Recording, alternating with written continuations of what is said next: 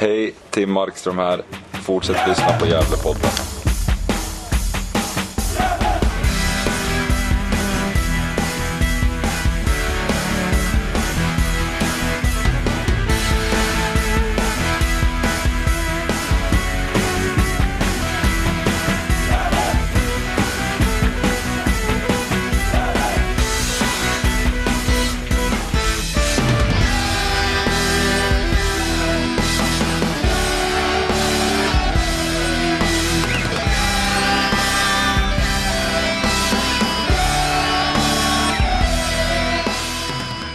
Får jag hälsa er lyssnare varmt välkommen till Gävlepodden 223.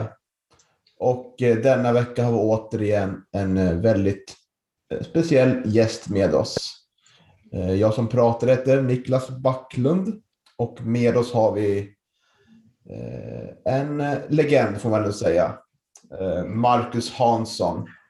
Gävle IF från 2007 till 2014. 184 matcher, 10 mål, 4 assist, 10 gula och 0 röda kort. Eh, Varmt välkommen Marcus. Tack så mycket. Kul att få vara med i den här fantastiska podden. Ja, vad härligt jag tycker det. Eh, Hur eh, är läget med dig? Alldeles strålande. Tack för att du frågar. Och mer? Ja, det, det är faktiskt ganska trevligt. Vårvädret har kommit fram tycker jag. Så det, det har längtat efter, efter det var så mörkt och jävligt ute. Precis, då vet man att eh, säsongen är nära. Ja, precis. Eh, ja, och det var ju ett tag sedan vi såg det i Gävle IF-tröjan och kanske många som är nyfikna på vad du gör idag. Mm, jag har eh, avslutat min fotbollskarriär sedan sista säsongen är 2019 då jag var utlånad till Brommapojkarna. Och nu har jag påbörjat en civil karriär. Jag har jobbat i ungefär ett år som eh, finansiell rådgivare och kapitalförvaltare på ett liten private banking-butik här i Stockholm. Mm.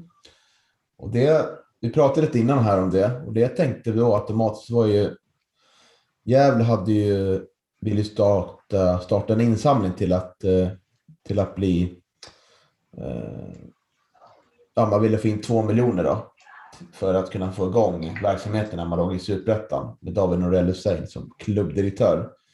Eh, man ville sälja aktier, rent sagt, för att få upp två millar, men det misslyckades.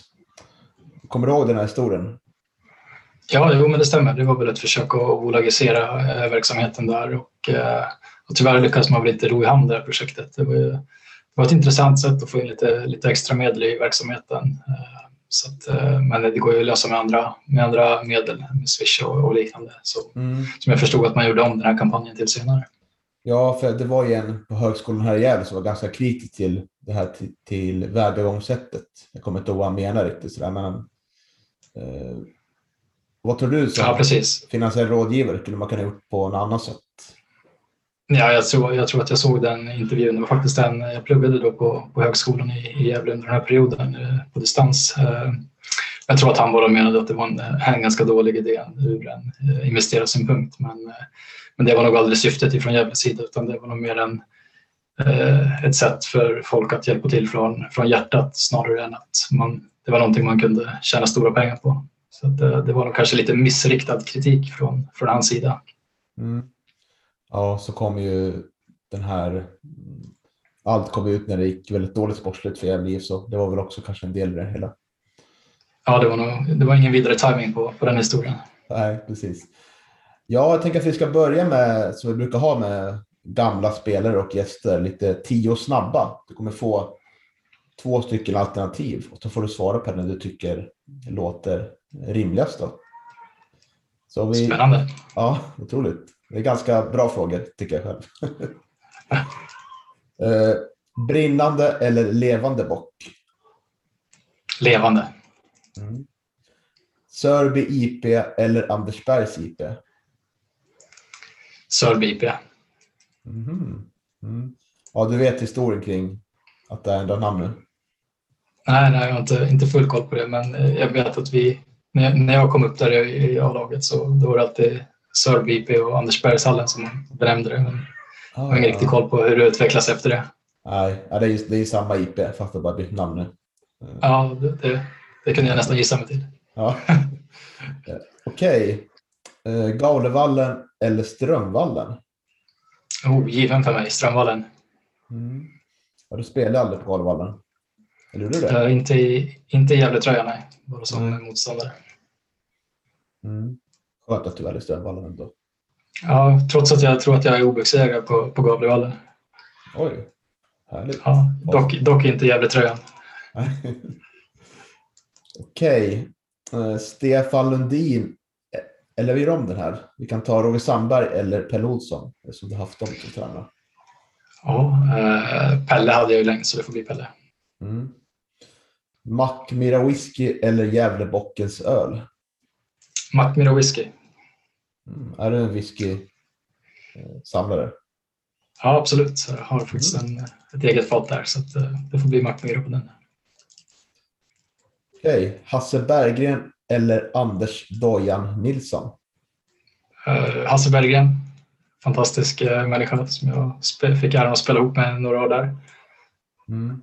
Vad var det som gjorde han speciell? Äh, men underbar, underbar personlighet och en grym, eh, grym eh, fotbollsspelare på, på många sätt. Inte bara i form av att han var duktig på att göra mål och viktig för laget utan han var också jäkla bra lagkamrat som såg till att liksom, eh, alltid sätta laget i, i första rummet och, och var en jäkla härlig kille att ha med i gänget. Mm.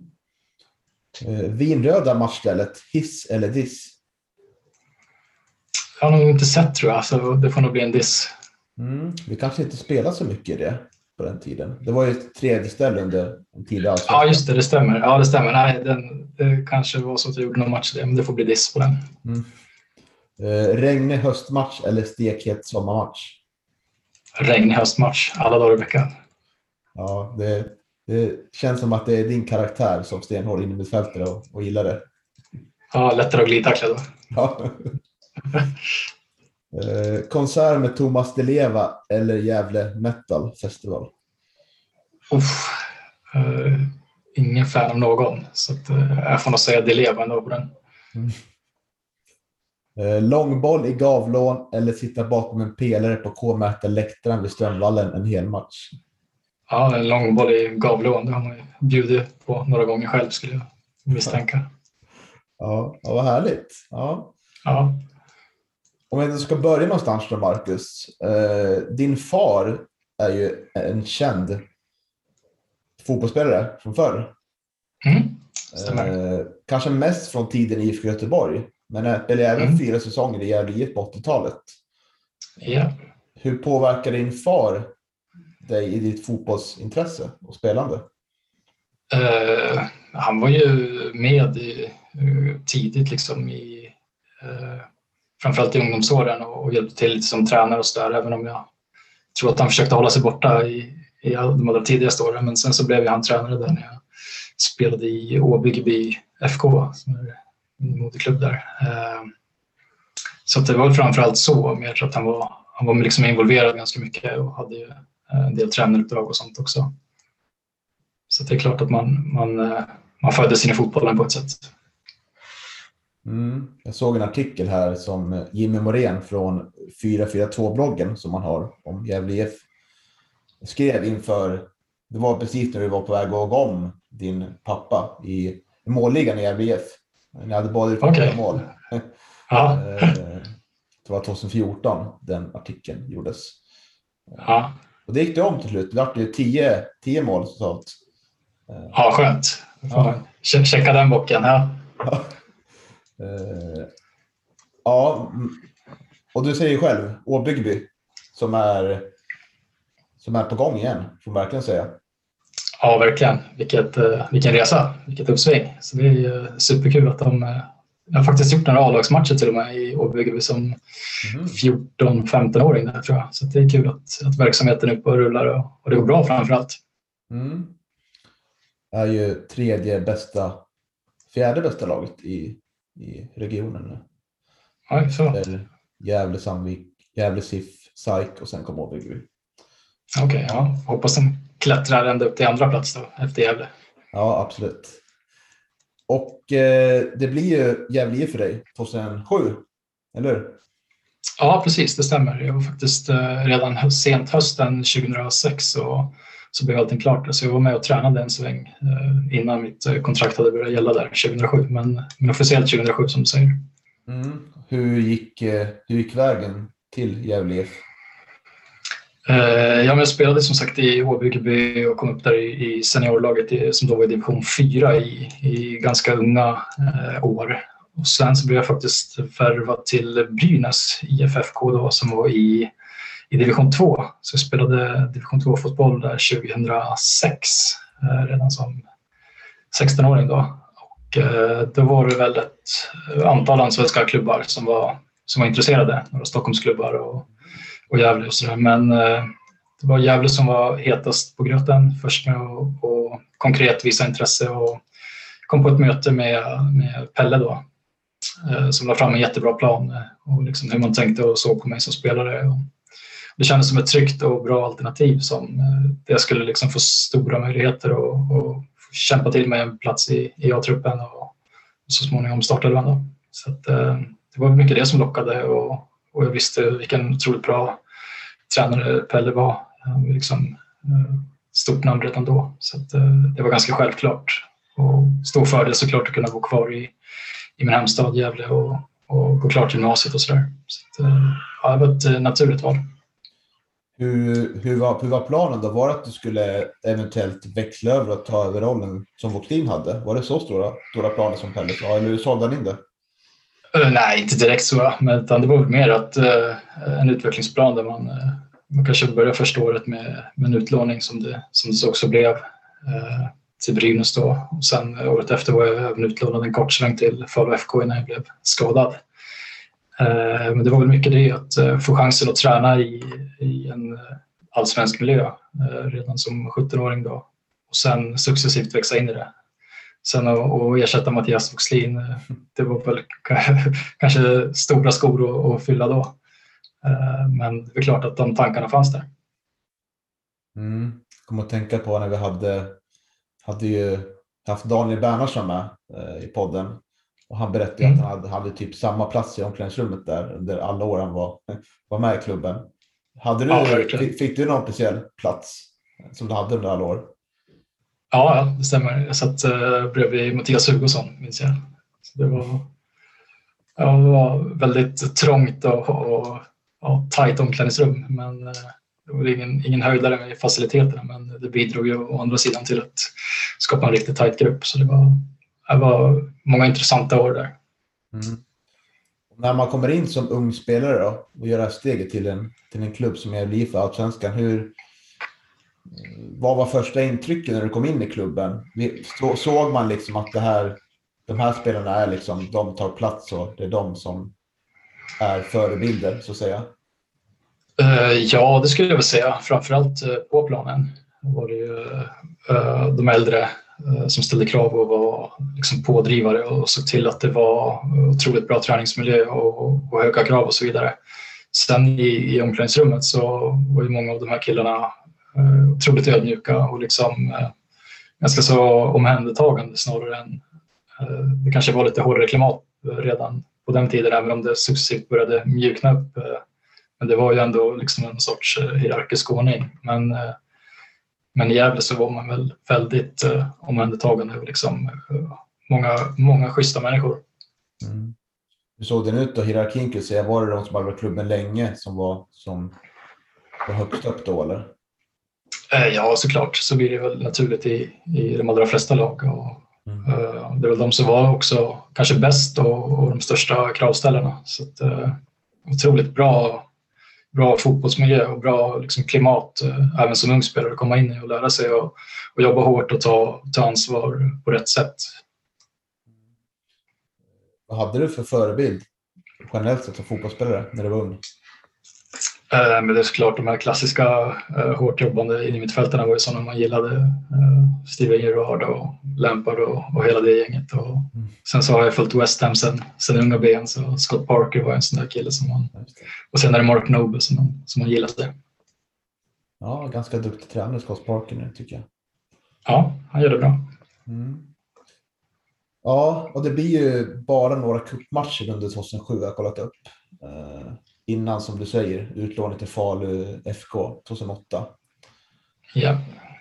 Och sen blir det ju, 2009 blir ju allsvenska debuten då. Du kommer in mot eh, mot eh, Elfsborg där i, Mm. den 19 april.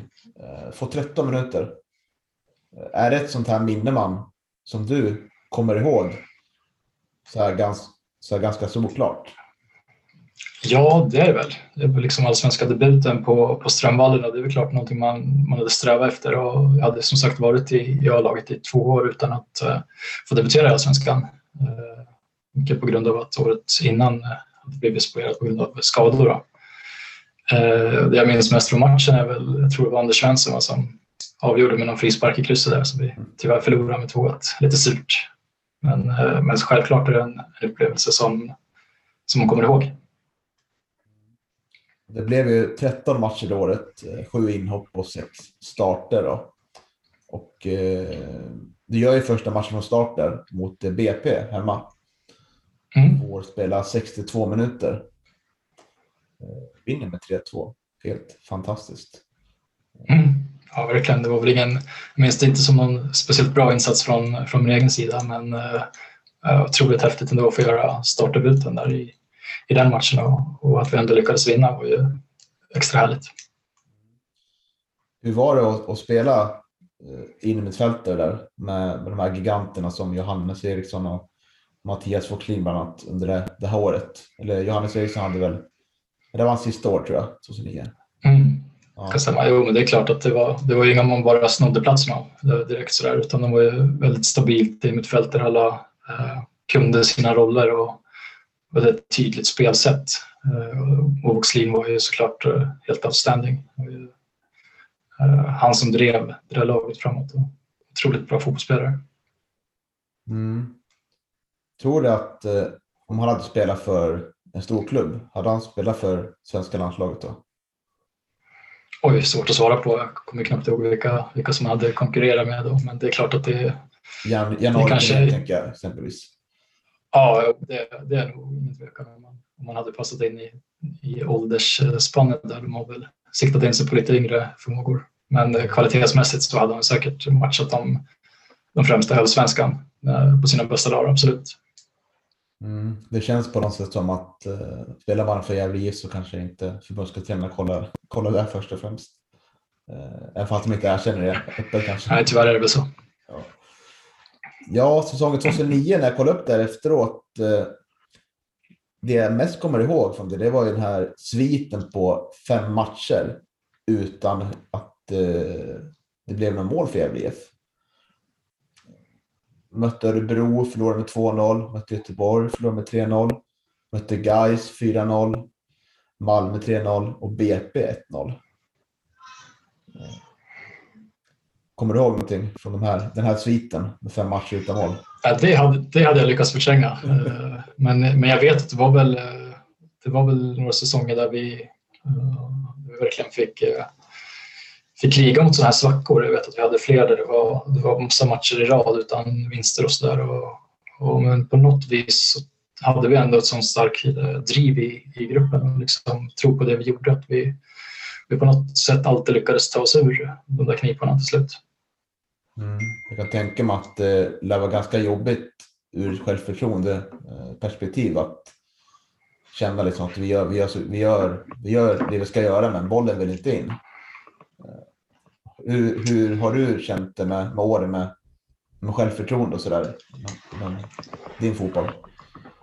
Uh, ja, men det är väl klart att alltså, motgångar kommer man ju alltid ha och sen så i en mindre klubb eh, där man är liksom tippad att, att ligga i botten. Och vi, hade, ju- vi var liksom tippade alla år som jag var med i alla fall tror jag.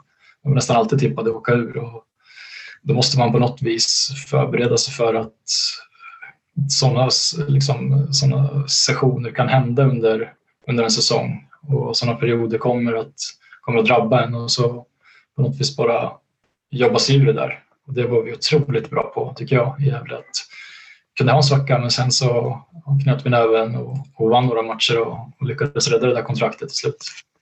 Eh, och så, som, som individuell spelare så har man ju också såklart eh, svackor i, i självförtroendet och sådär men, men på något vis så är det hårt jobb och liksom eh, se till att laget tar poängen då, då brukar självförtroendet hos spelarna komma eh, som en följd av det. Mm.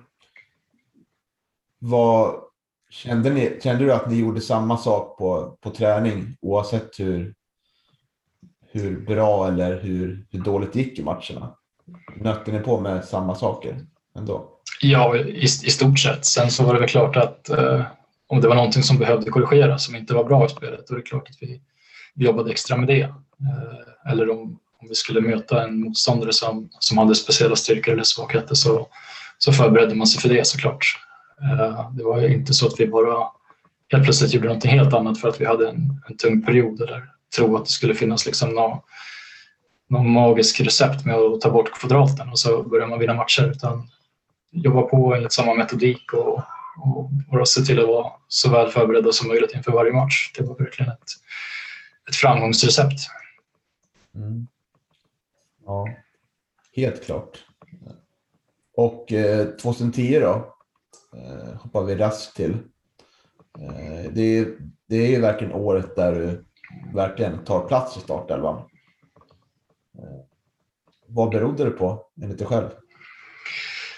Uh, nej, men dels hade jag väl utvecklats och sen tror jag att vi hade tappat, uh, jag tror, kan det vara Johannes som slutade där, uh, så att det fanns väl liksom en plats att fylla och eh, i kombination med att om jag inte minns fel så hade vi väl lite problem med på mittbackspositionen det året så att jag tror att jag gjorde några starter eh, som mittback där det året också. Så att, eh, det blev ganska många matcher både på mittfältet och i backlinjen.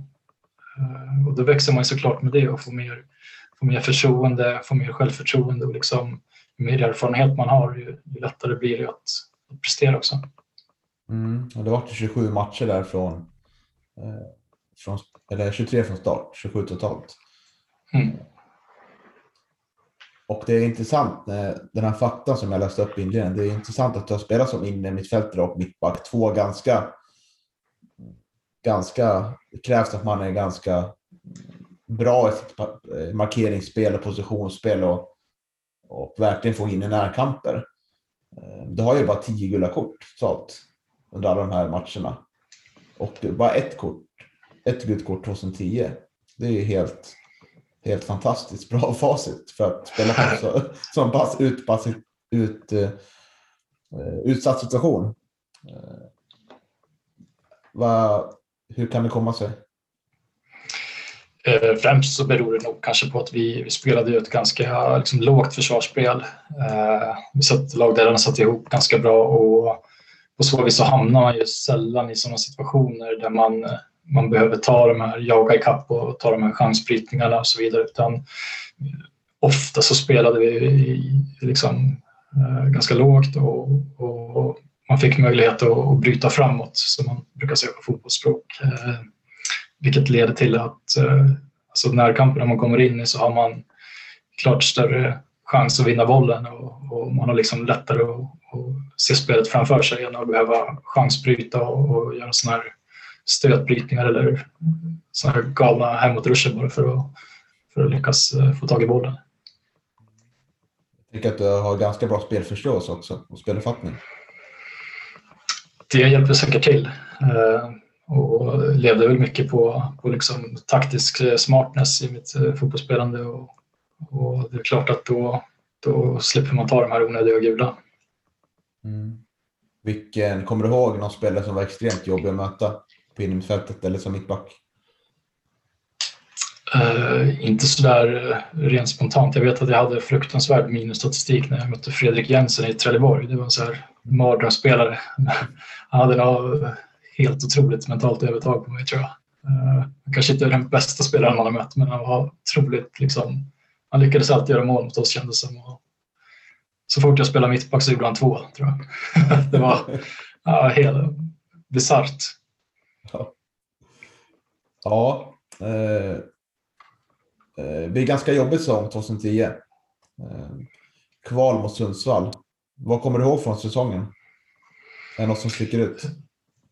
Nej, inte, inte så mycket egentligen, men kvalet minns man, ju, minns man väl. Jag uh, tror väl att vi vi lyckades kämpa oss till den där kvalplatsen och kom in med ganska, med ganska god känsla inför det här kvalet.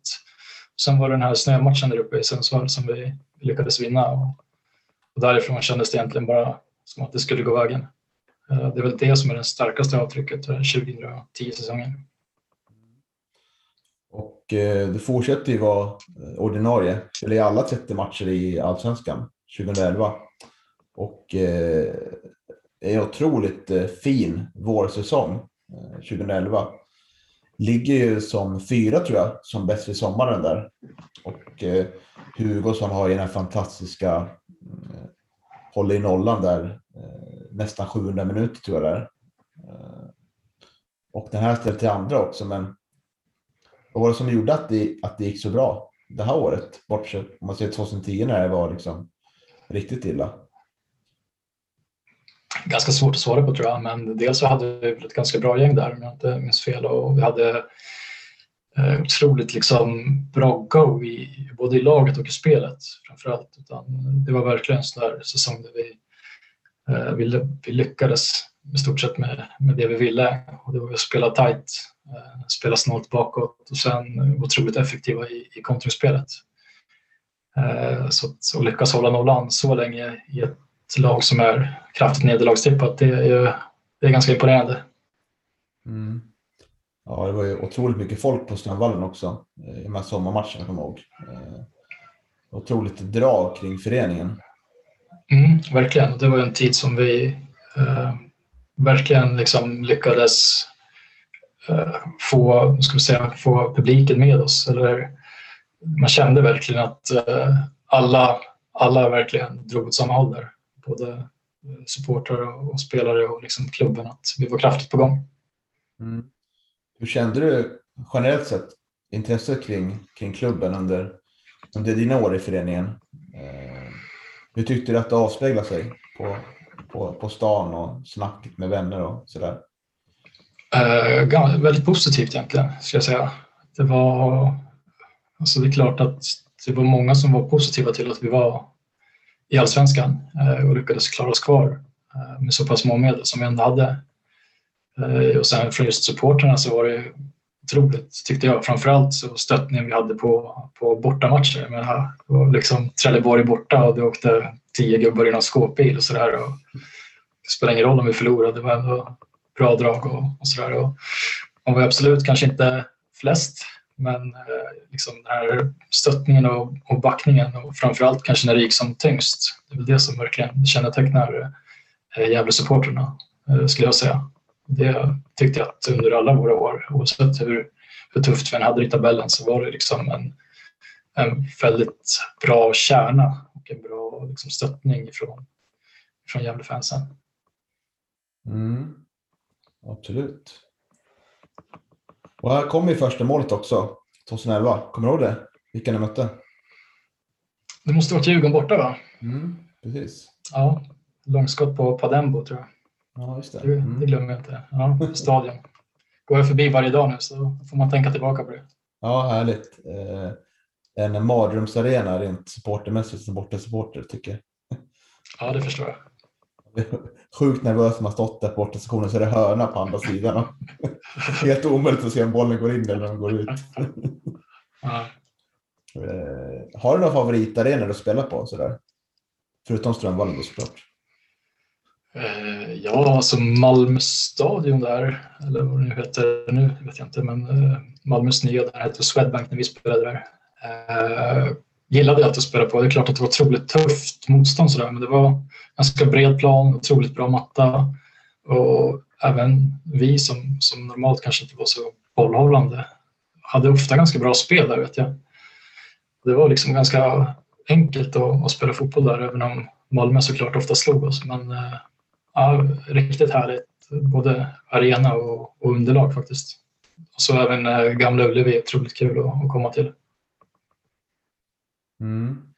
Hur, är det någon, någon arena du verkligen känner att det här gräset där eh, vill aldrig mer spela på igen? Ja, så nu, det var kanske inte med Gävle, jo, någon, någon match med Gävle också, men Friends är ju, det är ju liksom bara rent skräp. Ja. Mattan vet jag inte hur de har lyckats få till att den är så otroligt dålig. Det var verkligen ja, som att spela på en åker flera gånger. Ja. ja, det är ingen härlig arena att kolla på matcher heller tycker jag. Nej, nej, det är Läng, längst överens. upp i kön när man stått där och att vara i rymden nästan. Ja, exakt. Ja, eh, 2011 det slutar ju tyvärr. Ja, det blir en tråkig dipp där på hösten. Det känns som att energin eh, går ur lite laget. Och eh, blir väl en habil mittenplacering om jag kommer ihåg det rätt. Men eh, ja, det är inte mycket som man gläds åt den hösten kommer jag ihåg. Nej, det kan stämma. Och Det var väl kanske en, vi hade väl haft en, en otroligt bra vår där och, och det är klart att det är svårt att, att hålla uppe det under en hel säsong. Eh, Även om kanske hösten var, var lite väl dålig där. Mm. Och eh, 2012, kommer du ihåg något speciellt från det året? Något minnesvärt att ta upp? Nej, det, det har jag inte på lager. vi, hoppar, vi går över till 2013 i alla fall. men Det var, det var Ja. li, lika ordinarie 2012 också. Så. Ja, Men 2013 tänker jag att vi ska prata lite om det här Europa-äventyret som eh, vi har fått uppleva det året. Det är inte så många gånger Gävle har spelat i Europa.